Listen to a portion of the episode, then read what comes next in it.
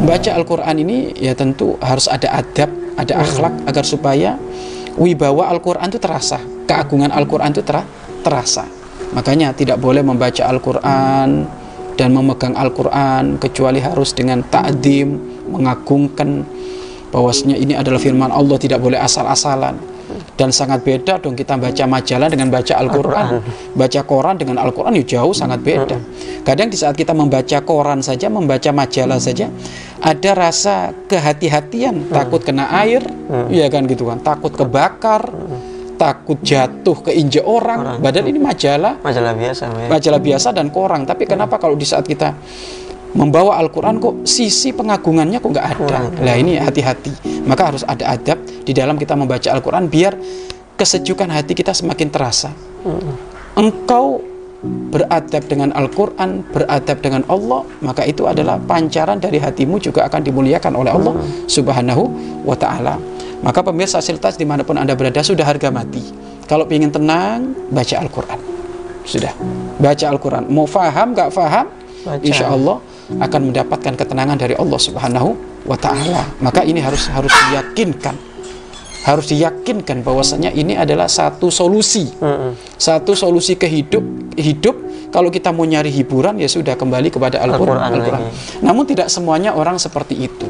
Karena memang ya orang itu kan tergantung siapa temennya, tergantung dia itu ya berkecimpungnya dengan siapa. Kan gitu kan. Tapi kalau memang ternyata sudah ditata ditata untuk benar-benar uh, dekat dengan Al-Quran, lingkungannya juga lingkungan yang mendukung Al-Quran, hmm. maka ia akan merasakan bahwasanya Al-Quran ini adalah hiburan yang sesungguhnya, hmm. kan gitu kan.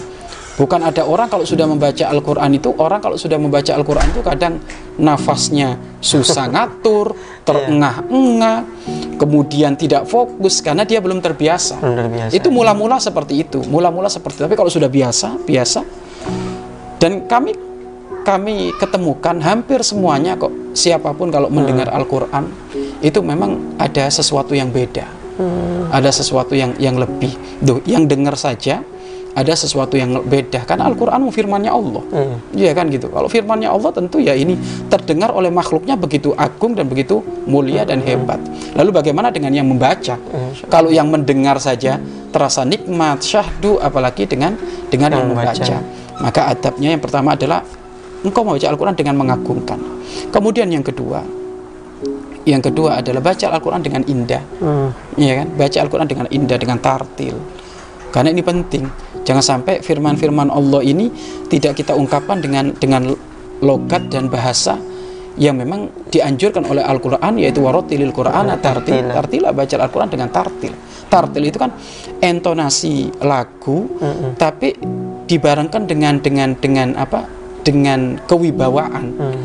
dibarengkan dengan kewibawaan dan dirasakan untuk untuk belajar menikmati ini sehingga kalau sudah membaca menikmati maka yang mendengar pun mendengar menikmati, menikmati. Juga. dan juga jangan lupa di saat baca Al-Qur'an mungkin dipaksa sebisa mungkin juga menghadap kiblat ini hmm. juga penting karena itu adalah adab menghadap kiblat kemudian tentu punya wudhu ini ini ini ini pasti punya punya wudhu kemudian Eh, jangan dibiasakan membaca Al-Quran sambil menyambi dengan melakukan pekerjaan sesuatu yang lain, pekerjaan lain itu juga nggak nggak benar gitu.